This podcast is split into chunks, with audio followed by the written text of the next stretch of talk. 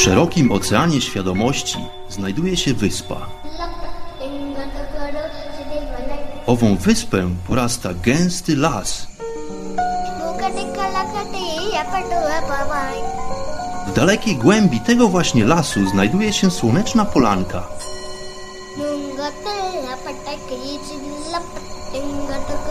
Przy tej oto polance w gorących promieniach słońca stoi sobie pewna magiczna chata.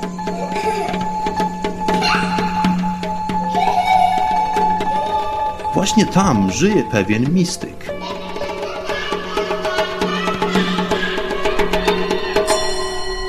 Mam na imię Bart i zapraszam wszystkich serdecznie do wysłuchania programu Chata Mistyka.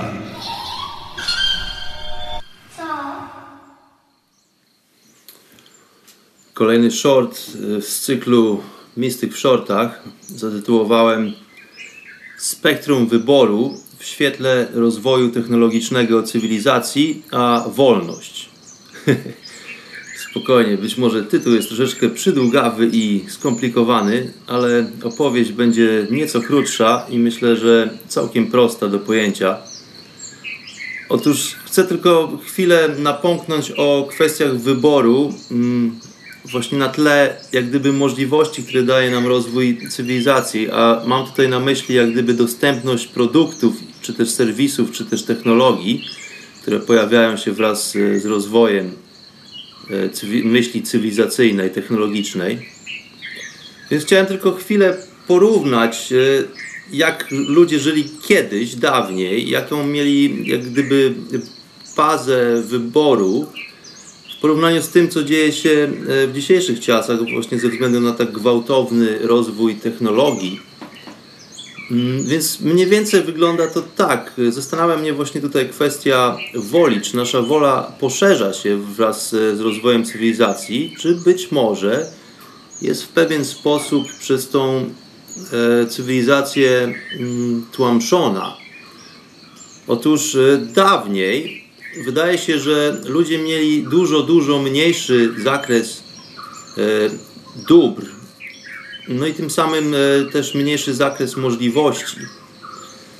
Czyli tak naprawdę, przekładając to na nasz wybór, taki osobisty wybór każdego z nas, można by powiedzieć, że kiedyś, dawniej, ludzie mieli, mieli mniejszy wybór, e, czy też mniejszy dostęp do różnego rodzaju rzeczy, więc tym samym mieli po prostu węższe, węższy wybór.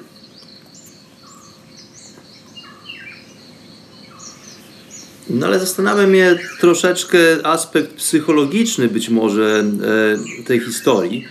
Otóż dawniej ludzie wydają się, pomimo tego, że mają mniejszy wybór, czy też może dzięki temu, że mają węższy wybór, to mają również mniejsze oczekiwania, jeżeli się nad tym zastanowimy skoro mają mniejszą możliwość wyborów, e, mają mniejsze oczekiwania, tym samym e, wydawać by się mogło, że e, osiągają oni pewien wyższy stopień satysfakcji, kiedy to już dokonają wyboru i kiedy, dajmy na to, zakupią produkt w sklepie.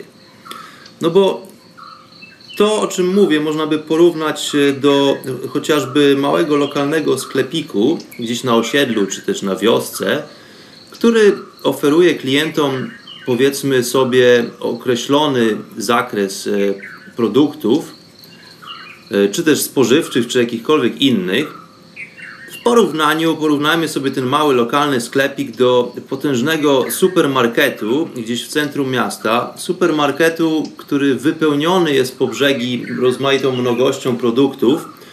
E, produktów, które posiadają różnego rodzaju walory jakościowe, mm, cenowe, e, są opakowane w różnego rodzaju inne papierki i prezentowane są dla oka klienta w różnoraki sposób. E, wybór czasem staje się dosyć skomplikowany, kiedy stajemy na przykład e, przed regałem, na którym leżą torebki z ryżem chociażby. E, wybór ryżu czy też rolki papieru toaletowego często okazuje się być po prostu kwestią no, dosyć skomplikowaną. A to wszystko właśnie ze względu na to, że ten owy rozwój cywilizacyjny daje nam aż tyle możliwości, co pozornie wydawać by się mogło, poszerza naszą domenę wolności. No bo skoro mamy dostęp do większej ilości produktów, no to można by przypuszczać, że tym samym mamy większą wolność podejmowania wyborów.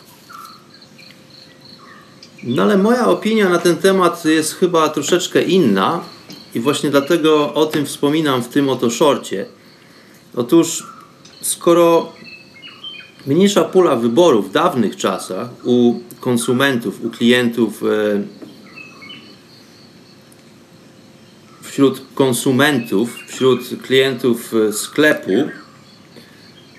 Skoro mniejsza pula wyboru, tym samym e, wydawać by się mogło również mniejsze będą oczekiwania owych klientów. Dlatego, że doskonale zdają sobie sprawę z, z tego, że zanim wejdą do sklepu, nie mogą oczekiwać na regałach sklepowych produktów, które po prostu, których tych sklep, których, których tych produktów, których ten sklep po prostu nie ma w swojej ofercie. Więc tym samym wybierając z węższego zakresu możliwości produktów, podajmy na to, że jest tam e, dwa czy trzy rodzaje ryżu, ale nie będzie to 20 różnych e, w różnych opakowaniach i w różnych stylach e, produktów związanych z ryżem. Podajmy na to, że masz możliwość wyboru z dwóch czy trzech gatunków ryżu, ale nie będzie to, dajmy na to, 30 różnych gatunków ryżu w różnych opakowaniach. E, ryżów, które kuszą cię i nęcą swoim opakowaniem, ich e, różnymi sloganami, które wypisane są na owych. No i oczywiście ceny owych produktów również e, różnią się mikroskopijnie, więc jak gdyby ta, ten zakres wyboru teoretycznie staje się większy. Ale skoro mamy większy zakres wyboru, nie, jeszcze. Ale skoro mamy większy zakres wyboru, tym samym mamy więcej dostępnych technologii dla nas, więcej produktów czy różnego rodzaju usług, powiedzmy. Tym samym zaczynamy mieć większe oczekiwania. Większe oczekiwania podług producentów, podług tego, co oferują, podług e, serwisu, które są oferowane na rynku. I tym samym zaczynamy po prostu poszukiwania idealnego produktu, jakiegoś być może idealnego swetra, czy idealnej pary butów, czy tam cokolwiek jeszcze innego chcemy sobie wymyślić. No ale tym samym pojawia się moim zdaniem chyba też troszeczkę większa niepewność. No bo skoro mamy aż tak potężny zakres wyboru, wachlarz możliwości, to zaczynamy się zastanawiać, który z, tych, e, z tej całej gamy produktów jest tak naprawdę najlepszy dla nas. No bo skoro są one tak e, wyszczególnione i są e, po prostu i skoro produkty są jak gdyby sformułowane i dostosowywane do jak najbardziej indywidualnych potrzeb klienta, no to tym samym rodzi się w nas wątpliwość, co jest właściwie dla mnie najlepsze z tego całego wachlarza możliwości. Więc tym samym y, dużo mniej satysfakcji wiąże się z nabyciem produktu, który nam po prostu być może nie odpowiada, albo nam się wydaje, że ten produkt nam nie odpowiada, dlatego że mógłby być lepiej, bardziej kompleksowo dostosowany, bardziej stuningowany y, naszych indywidualnych potrzeb. Więc pojawia się większa niepewność co jest dla mnie lepsze. Z tym wiąże się swego rodzaju element lęku. To jest oczywiście bardzo stresogenny czynnik, który przekłada się z tak drobnej rzeczy, jakim, jaką są zakupy, przekłada się na inne aspekty naszego życia. Po prostu ten, ten strach, ten lęk, ten stres będą nam towarzyszyć podświadomie, bardziej lub mniej oczywiście, w innych różnych czynnościach, które wykonujemy w ciągu naszego dnia, w trakcie naszego życia. Ale wiąże się z tym również dużo mniejsza umiejętność adaptacji. No bo wróćmy jeszcze na chwilę do lokalnego sklepu gdzieś na wiosce. Jeżeli farmer przychodzi do tego sklepu i ma do wyboru tylko dwa produkty, którymi może operować na swoim polu kukurydzy, no to wybór jest po prostu typu A i typu B. Coś będzie działać lepiej lub gorzej. Ale on nie zastanawia się nad tym, że być może gdzieś są światy, gdzieś są kraje, w których e, farmer może wejść do sklepu i wybrać, e, dajmy na to, spośród 200 nawozów e, dla swojego pola kukurydzy. Więc oczekiwania tego lokalnego małego farmera gdzieś na wiosce mm, nie będą aż tak wysokie, tym samym jego poziom stresu również i jego po prostu poziom komfortu psychologicznego czy też psychicznego będzie tak naprawdę dużo większy. To są oczywiście metafory. To można przełożyć na jakikolwiek inny produkt i na cokolwiek innego, co wybieramy w dzisiejszych czasach, co stwierdzamy, że jest niezbędne czy też potrzebne do naszego funkcjonowania. Więc jak gdyby im mniejszy zakres wyboru, tym my jako ludzie musimy wykazać się również większą umiejętnością adaptacji do danej sytuacji. Więc e, podam tutaj taki być może trochę brutalny przykład tego, co mam na myśli, ale weźmy na to, we, ale weźmy za przykład e, takie powiedzmy głodujące dziecko w Etiopii, dajmy na to, gdzieś w krajach trzeciego świata, gdzie po prostu dobra i dystrybucja być może tych e, dóbr nie jest aż tak na tak wysokim poziomie, jak dzieje się to e, w krajach Europy chociażby. Więc dziecko w Etiopii nie będzie miało zbyt wielkiego wyboru produkt swojego posiłku, który dostaje dzień w dzień to, e, to, tą samą porcję ryżu, więc będzie to na przykład albo porcja ryżu, garstka ryżu, którą dostanie ponownie, albo na przykład kawałek ugotowanego manioku. E, więc satysfakcja tego dziecka jest jak gdyby powodowana bardziej tym, czy on dostanie posiłek, czy nie, a nie tym, co dostanie e, do zjedzenia danego dnia. Natomiast teraz z drugiej strony weźmy sobie e, przeciętną osobę urzędującą w Londynie, która lubi wychodzić do restauracji i taki potencjalny, przeciętny klient restauracji, kiedy wchodzi do, y, do tego establishmentu y, i spogląda w menu, czyli w tak zwaną kartę dań, y, ma do wyboru, dajmy na to, około 50 różnych dań. Więc teraz jego oczekiwania będą stosunkowo dużo bardziej wysokie po długiego posiłku w porównaniu do głodującego dziecka w Etiopii ten klient restauracji w Londynie również będzie starał się dopasować e, danie, które to e, jest w karcie dań, do jak najbardziej wysublimowanych swoich potrzeb. Ale czy to tak naprawdę jest potrzebne? No wydaje się, że jest to właśnie komfort, jest to pewnego rodzaju luksus, na który mogą pozwolić sobie tylko i wyłącznie właśnie członkowie takich społeczności, które nazywamy tymi rozwiniętymi państwami, rozwiniętymi pod względem ekonomii i tak dalej. E, no, dla mnie jest to sprawa troszeczkę moralnie przykra, muszę się przyznać, dlatego że mm, dane statystyczne mówią o tym, że około 80% jedzenia, które to jest, e, które to które to przewija się przez londyńskie restauracje, jest wyrzucane do kubła. E, tak właśnie wygląda państwo wysoko rozwinięte, rozwinięte e, pod względem ekonomicznym, e, pod względem kulturowym również, jak mnie mam. 20% je klient z tego, co dostaje na talerzu. Oczywiście w kuchni również jest marnowane mnóstwo jedzenia, zanim klient dostanie podane danie na talerzu. Aczkolwiek statystyki mówią właśnie o tym, że 80% pożywienia, które to dociera do restauracji w postaci dostaw, jest wyrzucana po uprzedniej obróbce lub odrzuceniu przez klienta. No bo ten klient przyszedł, żeby sobie zrobić tylko e, smaczka dobrego, a nie po to, żeby, się, żeby zjeść coś dlatego, że tego potrzebuje jego organizm, chociażby. E, ludzie oczywiście mają różnego rodzaju powody, dla których chodzą do restauracji, nie tylko po to, żeby się najeść, No ale jest to właśnie dla mnie troszeczkę zatrważający obraz tak zwanego postępu naszej cywilizacji, naszej kultury. Tak wysoko nosimy nasze czoła właśnie tutaj w świecie zachodnim, kiedy właśnie kuleje tak bardzo dystrybucja dóbr. Uważam, że jest to niesprawiedliwe i niewłaściwe, że 80% jedzenia z tak wielkich metropolii jak Londyn, Londyn jest oczywiście tylko jednym z tysięcy przykładów takich miejsc, że to jedzenie po prostu zostaje zmarnowane.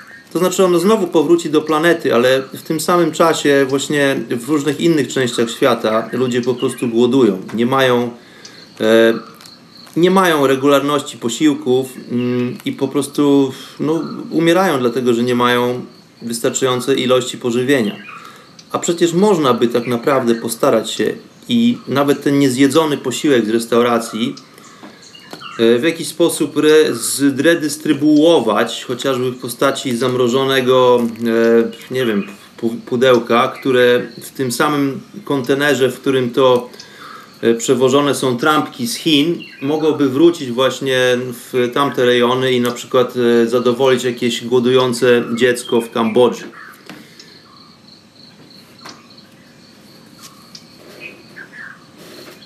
ale mm, mówię tutaj o czymś troszeczkę innym. Mówię o wyborze, to znaczy z, redystrybucją e, pożywienia na świecie również e, wiąże się bardzo mocno kwestia moralności, kwestia wyboru, podejmowania odpowiednich decyzji przez e, elity rządzące, przez ludzi, którzy tak naprawdę mają coś do powiedzenia w tej kwestii. E, mnie tutaj bardziej zastanawia właśnie, jak wygląda ta nasza wola, czy ona rzeczywiście podlega mm, powiększeniu e, wraz z rozwojem, czy też z mnożeniem się wyborów, możliwości, które to mamy na co dzień w naszym konsumpcyjnym e, ujęciu naszego życia.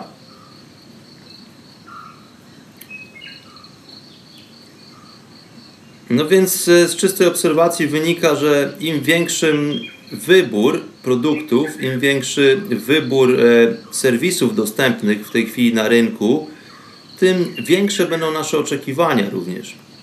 Dlatego, że zawsze będziemy szukać tego ideału, tego najdoskonalszego stanu, który możemy zakupić za nasze pieniądze.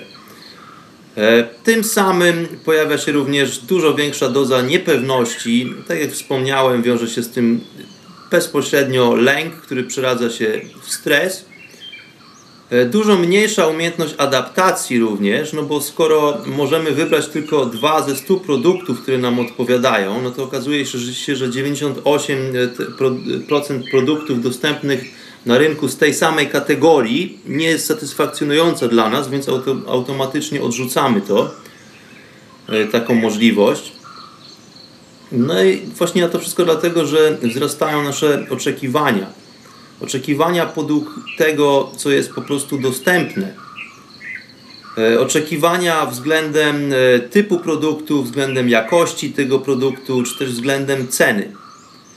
E, oczywiście z tym wiążą się różne psychotechniki, które używane są w supermarketach. Oczywiście tak naprawdę nie oszczędzamy za dużo pieniędzy uczestnicząc w różnego rodzaju promocjach kiedy kupujemy więcej niż tak naprawdę potrzebujemy, dlatego że drugi produkt dostaniemy za darmo albo za pół darmo, no więc weźmiemy e, dwa arbuzy, a nie jeden, chociażby. Ten drugi e, zepsuje się, bo nie będziemy w stanie po prostu go przejeść. to jest tylko taki przykład, oczywiście. E, zmienia się po prostu tym samym nasza wolność wyboru. E, wolność, która pozornie staje się większa, no bo możemy wybierać z większej puli produktów, możliwości, tak naprawdę wydaje mi się jednak, że ta nasza wolność staje się jednak węższa. No bo jeżeli na to popatrzymy od drugiej strony, to tak naprawdę nie wybieramy więcej tego, co nam oferuje sklep, Czyli nie wybieramy więcej tego, co nam nie odpowiada według naszych oczekiwań. Na to, co nam odpowiada, to tak naprawdę już bardzo wąski zakres. No bo to już ten zakres taki zawężony do granic możliwości. Po prostu to jest kwestia y, wygraj albo umrzyj. Coś na tej zasadzie. Chcemy po prostu y, wybrać najlepszy produkt, jaki jest możliwy, dostępny, y, podług naszych oczekiwań, podług naszej kieszeni oczywiście. No więc jak w tym wszystkim odnajdujemy nasze szczęście? Czy jesteśmy bardziej szczęśliwi, kiedy mamy do wyboru tylko dwie, dwa gatunki ryżu? Czy mamy do wyboru być może 20 różnych rodzajów kołder? E, czy też 200 różnych rodzajów kołder, bo czemu nie? Mm. Co będzie w stanie nas bardziej zaspokoić pod względem szczęścia? jak właśnie szeroki wybór, czy szeroki wybór rzeczywiście sprawia e, to, że stajemy się szczęśliwsi, czy być może okazuje się jednak, czy być może jest tak, że to nasze szczęście właśnie troszeczkę mm, czy być może ten właśnie nasz zakres szczęścia w pewien sposób topnieje. No bo teraz odwróćmy jeszcze na chwilę ten model e, oglądu. To jest. No bo jeszcze na chwilę teraz. To teraz jeszcze na chwilę odwróćmy ten model oglądu tej sprawy. No i pomyślmy, że tak naprawdę im większy mamy wybór, im większy wachlarz możliwości, tym samym większa nasza niepewność, prawda? bo musimy przeanalizować stosunkowo większą ilość danych, która, co, i ten proces będzie psychologicznie wprowadzał w nas po prostu niepewność, niż jeżeli mamy do wyboru tylko możliwość A i możliwość B chociażby. E, więc teraz również im większy wybór, tym być może większe podniecenie w pewien sposób, dlatego że nie wiemy, co nastąpi, ale z drugiej strony, jeżeli e, następuje jeżeli następuje kustomizacja, czyli e, kustomizacja to chyba nie jest polskie słowo. E, chodzi mi o to, że jeżeli dopasowujemy mm, warunki, czy też jakość do naszych własnych, jak najbardziej indywidualnych potrzeb,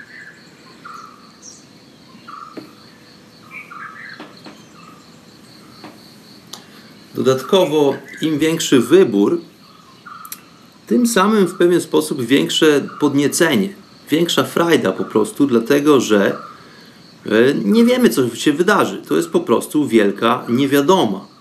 Natomiast kiedy nasz wybór jest skonfigurowany, zawężony do bardzo użytecznych dla nas e, możliwości, czyli tak jak mówię, ze 100 możliwości chociażby tylko dwie odpowiadają naszym gustom, no to tak naprawdę Mm, to nasze szczęście procentowo staje się dużo mniej trafne, chyba powiedziałbym.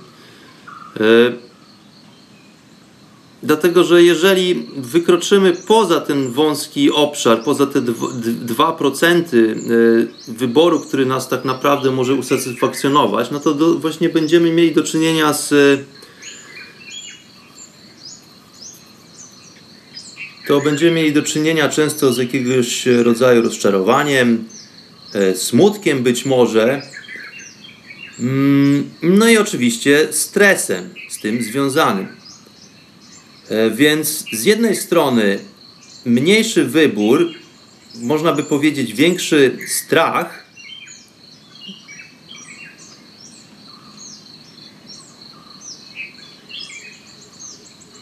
Nie, nie można tak powiedzieć. Więc większa ilość wyborów, z jednej strony to swego rodzaju komfort, w wyniku czego można by powiedzieć, że zanika nasz strach, ale jak to przekłada się na naszą wolność wyboru?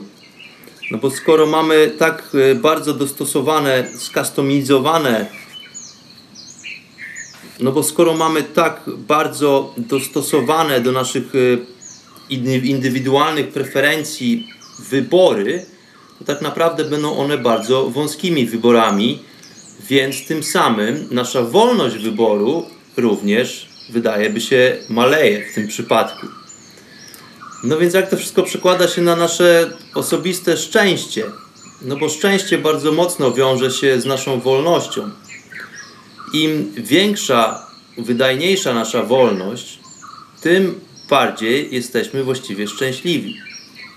Im bardziej ograniczona natomiast nasza wolność, tym nasze szczęście będzie oddalało się daleko, daleko za horyzont. Więc tutaj właśnie zadać wart, więc, więc tutaj właśnie warto zadać pytanie, czy poszerzanie się spektrum naszego wyboru w świetle rozwoju naszego technologicznego Więc tu chyba warto zadać sobie pytanie, czy poszerzając spektrum wyboru poprzez wprowadzanie nowych możliwości, poprzez, poprzez wprowadzanie nowego wachlarza produktów czy też e, opcji, które daje nam rozwijający się rynek, e, jak Czy to sprawia, że również automatycznie poszerza się nasza wolność? E, pytanie, moim zdaniem, które warto sobie zadać, odpowiedź jest e, dosyć wątpliwa, być może niejednoznaczna. No ale po to tu jesteśmy, po to jesteśmy w chacie i po to zadajemy pytania, które często bywają po prostu niewygodnymi. Więc czy Twój wybór następnym razem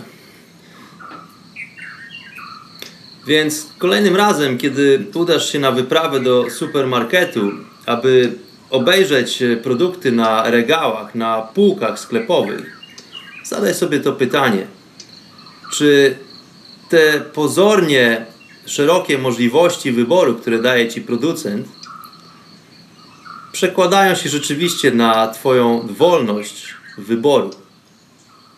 Jak wolni jesteśmy, robiąc zakupy? Pozdrawiam.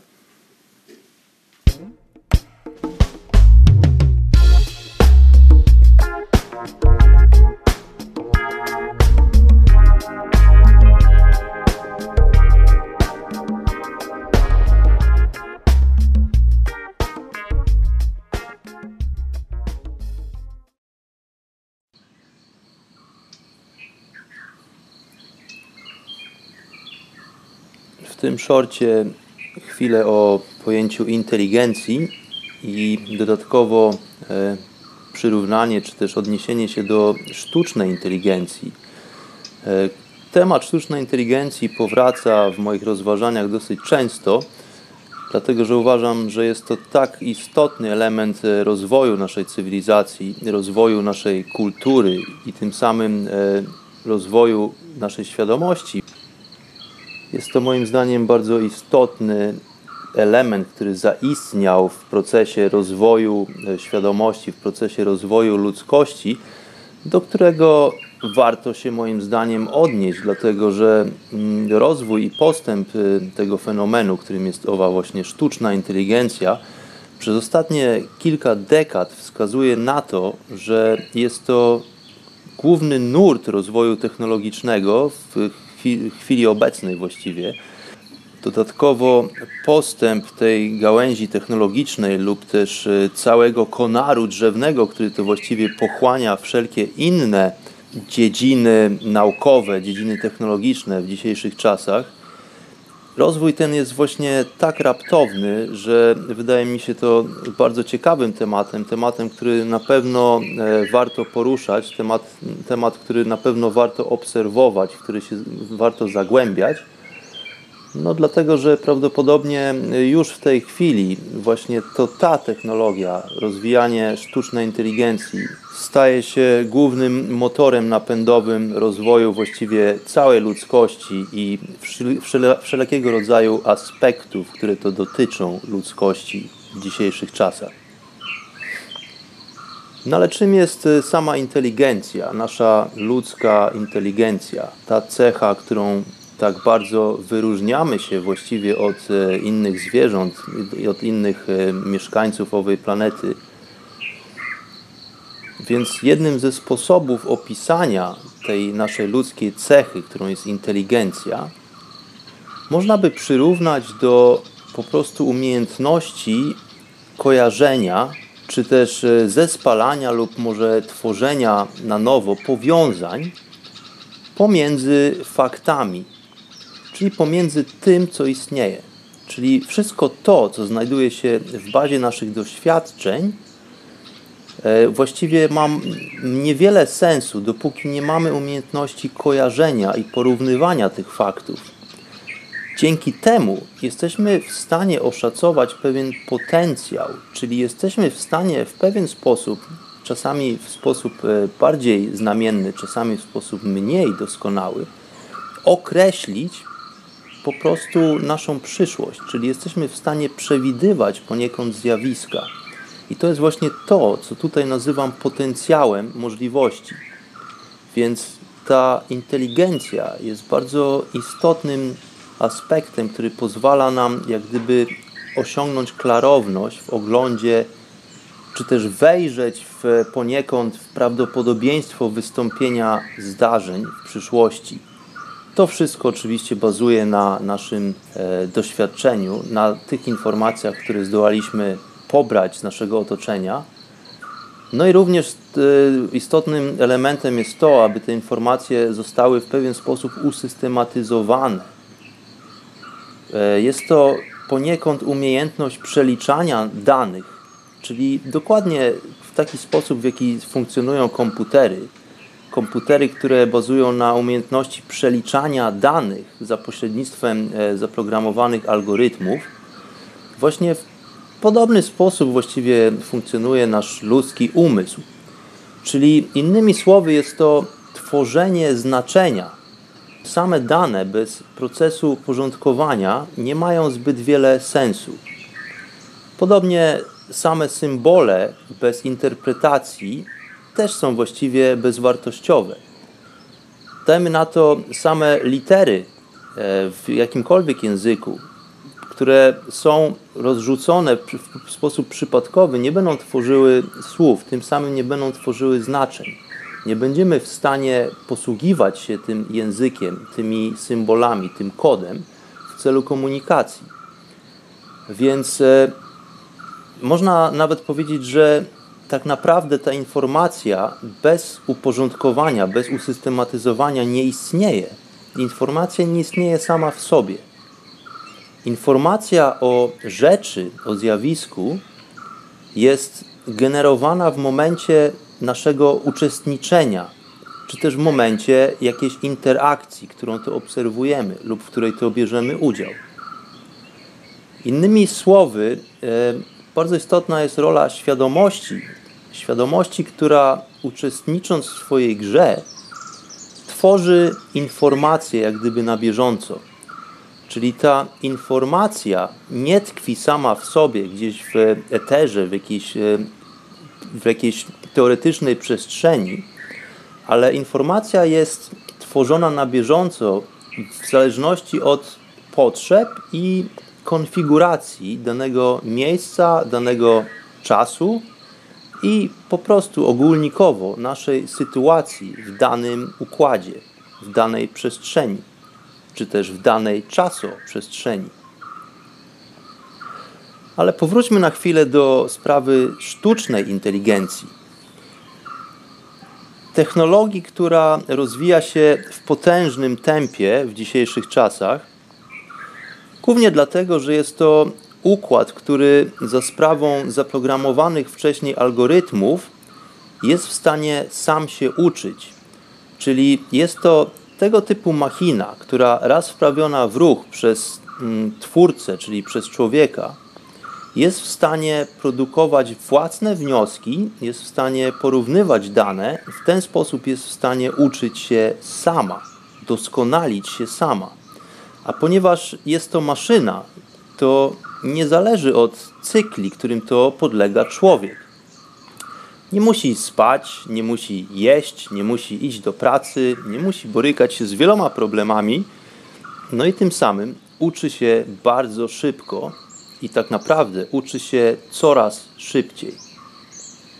Więc jest to istna ewolucja informacji i przemysłu informacyjnego, Jest to takie zjawisko, w którym każdy z nas już od dłuższego czasu uczestniczy, zdając sobie bardziej z tego sprawę lub mniej. Niektórzy z nas są kompletnie nieświadomi tego, jak bardzo już w tej chwili zaczynamy być zależni od tych e, procesów, które to projektowane są przez ową sztuczną inteligencję.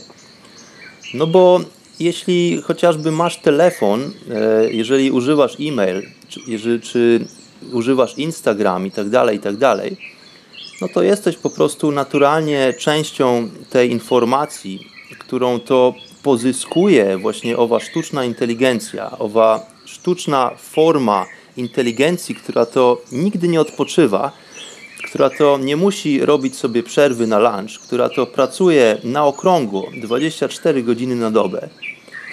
Jesteś po prostu częścią tą, tej informacji, którą gromadzi i dodatkowo nie tylko gromadzi, ale również analizuje właśnie sztuczna inteligencja.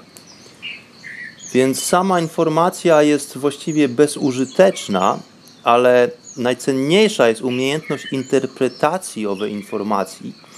No i to właściwie zmienia wszystko. To wprowadza element właśnie inteligencji czyli umiejętności kojarzenia faktów, a z tych można spekulować na temat prawdopodobieństwa wystąpienia zdarzeń.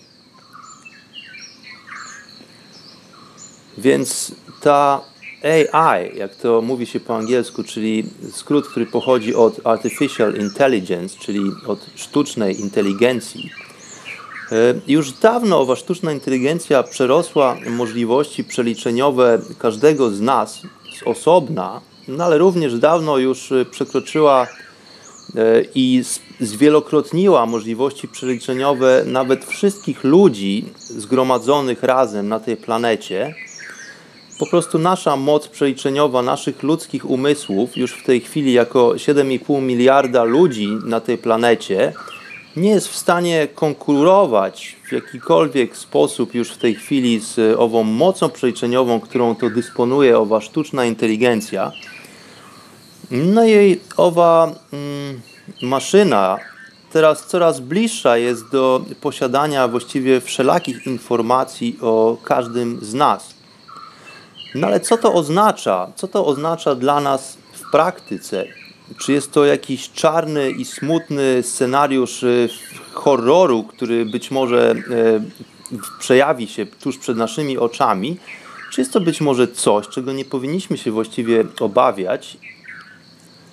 Pamiętajmy, że sama baza naszych szpiegowskich danych nic nie znaczy. Ale jeżeli owe sprytne algorytmy, którymi to posługuje się sztuczna inteligencja, zaczną przykładowo wychwytywać nasze tendencje, proste rzeczy, które robimy na co dzień, chociażby gdzie chodzimy, gdzie siedzimy, co jemy, o której godzinie itd., tak itd., tak to te informacje mogą zostać użyte, aby zacząć nas programować w pewien sposób. To znaczy zostaną użyte po to, aby wykreować pewnego rodzaju tendencje, pewnego rodzaju zachowania, którymi to będziemy kierować się, to oczywiście dzieje się już od dawna poprzez internetowe strony i różnego rodzaju serwisy, w których to uczestniczymy.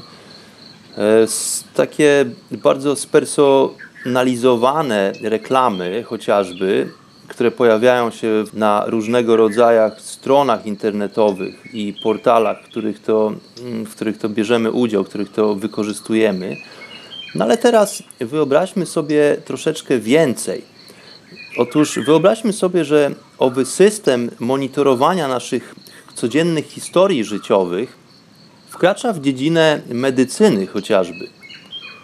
I tutaj już nie, nie chodzi o to, żeby wciskać tobie kolejne lekarstwa i szczepionki, których nie potrzebujesz.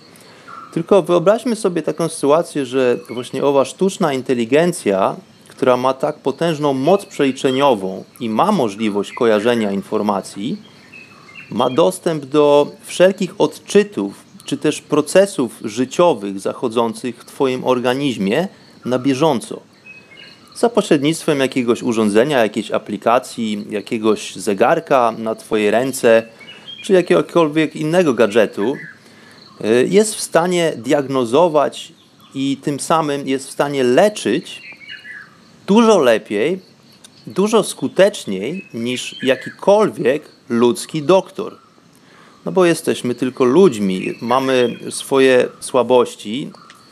Lekarze bywają często zmęczeni, mają wielu pacjentów, którymi muszą się zająć. No a tutaj pojawia się maszyna, która jest w stanie monitorować każdy szczegół e, Twoich procesów życiowych i tym samym jest w stanie e, doradzać, jak gdyby, czy też wykluczać pewne okoliczności. No i co tutaj się dzieje? Być może e, Twoja prywatność zostaje w pewien sposób naruszona, ba, można by powiedzieć, że w dużym stopniu Twoja prywatność jest naruszona, dlatego że ten komputer wie o Tobie dosłownie wszystko, Łącznie z tym, e, kiedy, jak często chodzisz do toalety chociażby. No ale z drugiej strony może tak naprawdę chronić Twoje życie, może opiekować się Twoim zdrowiem, może ustrzec Cię przed nowotworem być może, być może jest w stanie wykryć go dużo, dużo wcześniej, niż pojawią się jakiekolwiek objawy, być może ten komputer jest w stanie zaprojektować dużo skuteczniejsze leczenie. Być może jest w stanie zaprojektować e, dużo lepszy dla ciebie indywidualny skład chemiczny lekarstw, które są tobie podawane, lekarstw dobranych do twoich indywidualnych potrzeb. No i, i być może ta sztuczna inteligencja jest w stanie opiekować się twoim zdrowiem, twoim życiem dużo lepiej niż jakikolwiek ludzki lekarz. Być może ta technologia sprawi, że znacznie wydłuży się czas naszego życia. Tak więc znowuż kwestia sztucznej inteligencji, y, która być może będzie kierowała naszymi y, procesami medycznymi i troszczyła się o nasze zdrowie, za cenę naszej osobistej wolności, naszej prywatności, no wydaje się tutaj być propozycją dosyć kuszącą. Na pewno propozycją, którą zainteresowałoby się mnóstwo ludzi. Pomimo właśnie tej ceny, którą musimy zapłacić, za, pomimo tego zaprze, zaprzepaszczenia naszych osobistych wolności w pewien sposób, naszej prywatności, których to potencjalnie będziemy zmuszeni zrzec się na skutek właśnie wdrożenia się w tą technologię, no jest to propozycja dosyć ciekawa, dosyć interesująca, dosyć kusząca, wydawałoby się. Rozwój tej technologii można z jednej strony oglądać jako próba zaleczenia symptomów istniejącego problemu, być może jako istniejące ryzyko, że ta technologia e, zniewoli w pewien sposób ludzkie umysły i sprawi, że na przykład będą kupować, że ludzie będą kupować jeszcze więcej niepotrzebnych rzeczy, że będą bardziej podatni na reklamy i wpływy korporacji. No ale być może z drugiej strony, w innym świetle, ta sama technologia będzie źródłem ekspresji. Być może pomoże ludziom szybciej znaleźć swoje talenty, chociażby, wskazać odpowiednią drogę rozwoju. Być może tym samym rozwinie się również w dużo większym stopniu nasza ludzka pasja. No i być może ta technologia skutecznie będzie w stanie wspomagać rozwój w jakiejkolwiek dziedzinie, w której uczestniczy ludzka myśl. Technologia, która jest zwielokrotnieniem właściwie mocy naszej ludzkiej inteligencji, która za pośrednictwem kojarzenia pozytywnych faktów przyczyni się do ewolucji człowieka, a tym samym ogólnej świadomości. Być może zamiast zniewolenia i zaciemnienia, ta sama sztuczna inteligencja pomoże nam po prostu w samorozwoju. Sztuczna inteligencja może wykorzystać nasze lęki z jednej strony, nasze obawy, być może jest w stanie nas programować, ale z drugiej strony może również pomóc nam rozwiązywać bardzo skomplikowane problemy i tym samym podsuwać pomysły. Być może zamiast zniewolenia jednak i zaciemnienia, ta sama sztuczna inteligencja pomoże nam w samorozwoju i osiągnięciu szczęścia oraz pomoże nam w szerzeniu miłości. Póki co decydują ludzie, a nie maszyna. Nie zapominajmy. Pozdrawiam.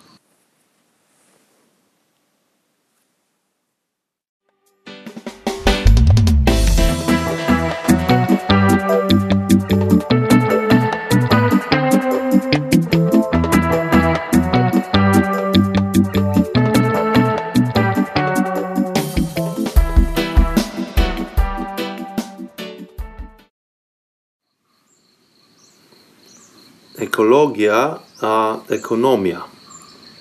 Otóż zastanawia mnie taka rzecz.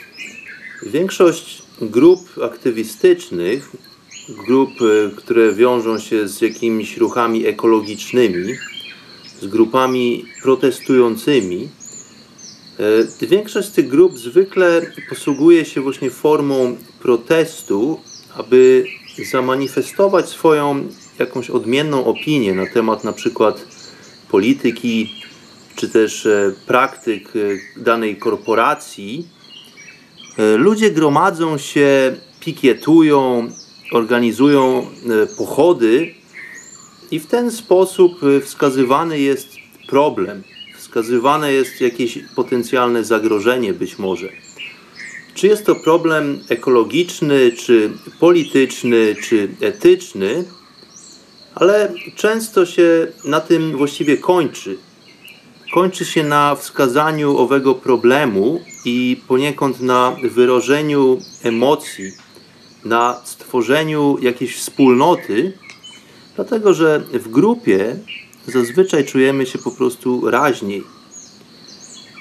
Jeżeli jesteśmy niezadowoleni z czegoś, to łatwo jest nam wskazywać problem. Dużo Trudniej natomiast jesteśmy w stanie wskazać rozwiązanie problemu. Problem, za który zwykle winimy kogoś lub coś, co utożsamiamy sobie z czymś na zewnątrz, z czymś, co jest poza nami. Czyli ten problem zwykle nie wynika z nas samych, tylko jest to zwykle zasługa kogoś innego lub czegoś innego, co jest jak gdyby na zewnątrz nas samych. Tymczasem warto poza wskazaniem problemu, moim zdaniem, poszukać również rozwiązania.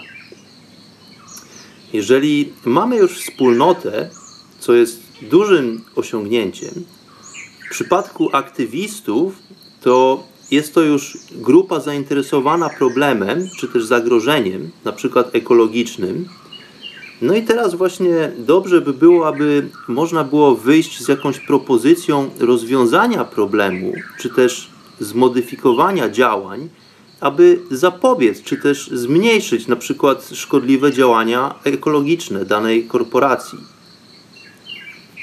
I tutaj pojawia się właśnie ekonomia. Większość organizacji ekologicznych typu Greenpeace na przykład Działa na zasadzie bezpośrednich interakcji z działalnością przedsiębiorców, na przykład y, wielorybników, czy też firm wycinających dżunglę amazońską itd., tak itd. Tak Czyli działania ekologów zwykle kojarzą się z sprzeciwem wobec działalności korporacji, a tym samym ekologia jawi się jako wróg ekonomii. No bo właściwie wiadomym i powszechnym jest to, że dla owych firm prowadzących ową destrukcyjną działalność ekologiczną najważniejsze są tak naprawdę pieniądze. Więc tutaj warto się zastanowić, jaki rzeczywiście wpływ mają na owe duże korporacje ekolodzy, no i jaka jest właściwie moc owych ekologów, aby cokolwiek zmienić, jeżeli tylko sygnalizowany jest problem. Bo skoro działania ekologów mają na celu jedynie wskazanie problemu i na tym koniec, to tego typu działalność nie zmieni wiele. Siła pieniądza jest niestety dużo większa niż chęć zmiany czy poprawy sytuacji dobrych serc ekologów. Aby pojawiła się zmiana na lepsze, musi również zaistnieć proces, który bazować będzie na jakimś planie ekonomicznym. Czyli te dwie rzeczy, ekologia i ekonomia, muszą iść w parze. Dlatego, że zamknięcie korporacji, czy też uniemożliwienie działalności danej korporacji, być może bardzo często byłoby najlepszym rozwiązaniem dla środowiska naturalnego, no ale umówmy się, jest to bardzo często cel nierealny. Jest to cel nieosiągalny dla większości działaczy ekologicznych, aby spowodować upadek wielkiej korporacji, dajmy na to. No ale co, jeżeli pojawiłyby się rozwiązania, które umożliwiłyby wzrost ekonomiczny biznesu, a tym samym pomogłyby uzdrowić środowisko, być może zmniejszyć ilość odpadów produkcyjnych, być może e, zmienić materiały, sposób pakowania owych produktów, czy chociażby sposób transportu. Te wszystkie czynniki są w stanie w dużym stopniu zmniejszyć ilość emisji spalin i innych zanieczyszczeń, które produkowane są do środowiska. Ale najlepszymi rozwiązaniami są te, które idą właśnie w parze z ekonomią. Dlatego, że tymi rozwiązaniami powinny być zainteresowane obydwie strony tego konfliktu.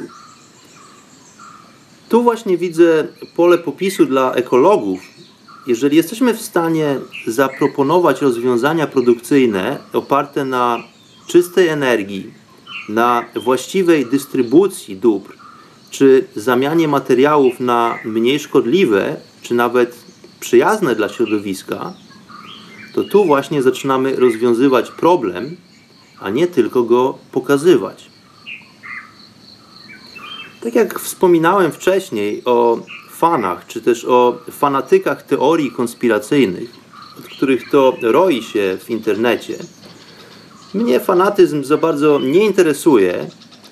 To, że istnieją grupy rządzące na tym świecie, to, że istnieją tajne organizacje bankierów i że klimat na tej planecie diametralnie się zmienia, to każdy bardziej lub mniej świadomy osobnik właściwie wie. Teraz zamiast krzyczeć i się awanturować i straszyć innych, dlatego że sami już być może jesteśmy śmiertelnie przerażeni wizją końca świata, to ja proponuję, aby wyjść z rozwiązaniami. Więc spożytkuj tą samą energię, którą używasz do straszenia innych, zwykle po to, aby lepiej po prostu czuć się w grupie. W grupie czujemy się raźniej, silniej. Więc tą samą energię proponuję, aby użyć do stworzenia czy też znalezienia rozwiązań. I tylko w ten sposób coś może się właściwie zmienić. Jeżeli każdy zrobi robotę we własnym zakresie, zaczynając od samego siebie, od własnego podwórka, od własnej rodziny, to już zmieni się tak naprawdę bardzo wiele. Więc nie używaj na przykład toreb plastikowych, nie używaj słomek do picia, słomek, których używa się jedynie raz i wyrzuca się do kubła, słomek, które trafiają w oceanie, które są połykane przez różnego rodzaju zwierzęta morskie. Jest dużo, naprawdę dużo rozwiązań, które możemy zainicjować we własnym zakresie po to, aby zmienić ogólną sytuację ekologiczną naszej planety. Nie jedz na przykład mięsa. Co ma jedzenie mięsa do, do ekologii? No otóż produkcja zwierząt na ubój wymaga niesamowitych pokładów wody. Ta woda musi być skądś przepompowana, ta woda musi być skądś przekierowana. Jeżeli jest tak potężne zapotrzebowanie na mięso, wiadomo, że te zwierzęta muszą pić tysiące litrów wody podczas swojego życia, zanim pójdą na ubój, zanim staną się kotletem schabowym chociażby. I to właśnie powoduje duże zagrożenia ekologiczne. Woda, której brakuje w wielu miejscach na tej planecie, tak naprawdę. To jest kwestia dystrybucji. To jest kwestia rozpowszechniania naszych zasobów wodnych w sensowny sposób. Woda na tej planecie jest zawsze. Jest to jak gdyby układ, y, z którego nie może tak naprawdę się uwolnić y, zbyt wiele. Tak naprawdę mógłbym posunąć się nawet do stwierdzenia, że nic nie może uciec z tej planety. Więc woda tutaj w tym obiegu jest. Czy, czy jest to woda zawarta w ziemi, czy w oceanach, czy też w atmosferze? No ale problemem jest to, że ta woda nie zawsze jest tam, gdzie my chcemy, żeby była. Więc tutaj znowu problemem nie jest to, że jest deficyt, brak wody, tylko jest to kwestia dystrybucji, kwestia operowania zasobami wody, które już posiadamy.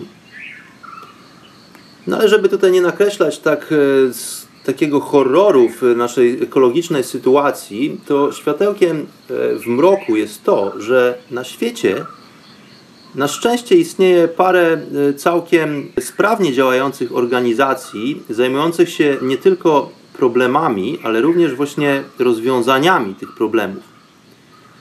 Tutaj wspomnę tylko organizację znanego aktora Leonardo DiCaprio, która dosyć prężnie zajmuje się działalnością ekologiczną i wychodzi z propozycjami na zmianę naszego środowiska na lepsze, które mają moim zdaniem dosyć dużo sensu. E, ci, którzy nie znają organizacji ekologicznej Leonardo DiCaprio, zapraszam do poszukiwań i do poczytania na ten temat. No ale również e, są propozycje, które wypływają z głównych e, rozwijających się na świecie w tej chwili ekonomii, takich na przykład jak ekonomia chińska. Chińczycy jako ciągle wzrastająca ekonomia proponują nam również nowe, bardzo innowacyjne rozwiązania, które mogą przyczynić się do ochrony środowiska również. Niedawno czytałem artykuł na temat e, propozycji czy też zamiarów e, chińskiego rządu, który ma utworzyć sztuczne satelity, które będą funkcjonowały w przestrzeni kosmicznej i będą takimi właściwie mini księżycami księżycami, które nakierowane, które będą takimi lustrami odbijającymi światło słoneczne i tym samym e, światło będzie rozpowszechniane w określonych, e, w określonych lokalizacjach w kraju, w Chinach. Dzięki temu ulice miast będą oświetlone bez użycia prądu elektrycznego, bez użycia jakichkolwiek innych surowców, które ewentualnie byłyby potrzebne do spalania po to, aby uzyskać energię na wytworzenie prądu elektrycznego. Jest to sprawa dosyć kontrowersyjna. Jaki będzie e, ten ewenement miał wpływ na inne aspekty naszego życia, funkcjonowania, nie tylko jako ludzi, ale również zwierząt na tej planecie? No bo wyobraźmy sobie, że luminiscencja, czyli moc jak gdyby świetlna tych, e, tych planowanych sztucznych satelit ma być rzekomo do 8 razy mocniejsza niż Księżyc podczas pełni. No więc jest to spora dawka światła, która będzie obsługiwać większe miasta w Chinach, no ale również e, moim zdaniem na tym ucierpieć mogą w pewien sposób organizmy, no i cały e, cykl naturalny przyrody, któremu ciemność nocy również jest potrzebna do istnienia. No ale być może uprzedzam tutaj e, fakty, być może ten problem zostanie w jakiś sposób rozwiązany lub nakreślony po to, aby właśnie szukać rozwiązania tego problemu. Póki co tylko taka ciekawostka, którą tutaj wspominam. Natomiast e, jak dokonać zmian, zamiast jedynie wskazywać problem? Tutaj za przykład podam tylko parę inicjatyw, tak naprawdę z wielu, których podejmuje się Fundacja ISIA. Fundacja założona w południowych Indiach przez jogina i wielkiego mistyka Sadhguru, a która teraz właściwie ma placówki już na całym świecie. Dzięki między innymi projektowi, który został zatytułowany Rally for Rivers, który został zainicjowany w 2017 roku w Indiach, uczestnicy w formie paru milionów wolontariuszy wskazali nie tylko potężny problem ekologiczny polegający na zanikaniu wody w głównych rzekach w Indiach, ale wyszli również z propozycją odnowy zasobów wody pitnej i wody pod uprawy rolne. Otóż szczegółowo zaprojektowany przy udziale naukowców i ekologów dokument, który posiada ponad 750 stron, dokument przedstawiający rozwiązania problemów, został oficjalnie wręczony rządowi indyjskiemu. Rząd ten e, dokument zaakceptował, a w rezultacie plan jest już od wielu miesięcy systematycznie wdrażany w życie a dodatkowo podczas kampanii Rally for Rivers na skalę całego 1,3 e, miliardowego społeczeństwa Indii udało się również zasygnalizować ten katastroficzny problem. Problem, którym jest zanikanie wody w rzekach, wody, która jest źródłem życia ludzkiego i nie tylko. Ale oprócz tego, że problem został zasygnalizowany czego nie zdawało sobie sprawy wielu ludzi w Indiach, udało się również zachęcić do działania miliony ludzi. Projekt, pomimo że jest y, przepiękny, to wymaga potężnego nakładu pracy i wielu, wielu lat dedykacji, zanim umożliwi zaobserwowanie zmian. Ale ten projekt jest jak najbardziej realny. Potrzebne jest y, również bardzo długotrwałe zaangażowanie i wkład pracy wielu ludzi. Ale okazuje się, że nawet tak katastroficzne skutki działalności człowieka na tej planecie mogą być odwrócone, jeżeli działanie nastąpi zawczasu. Potrzebna jest tylko odpowiednia inicjatywa, zaangażowanie i wspólnota. A ponad to wszystko potrzebna jest ludzka świadomość. Dla zainteresowanych tematem i działalnością ekologiczną joginów z ashramu Isha w południowych Indiach polecam strony internetowe Rally for Rivers i druga strona Project Green Hands. Linki wkleję pod audycją do wglądu. Bardzo serdecznie polecam zainteresowanie się i przestudiowanie tematu. Pozdrawiam wszystkich bardzo serdecznie. Namaste.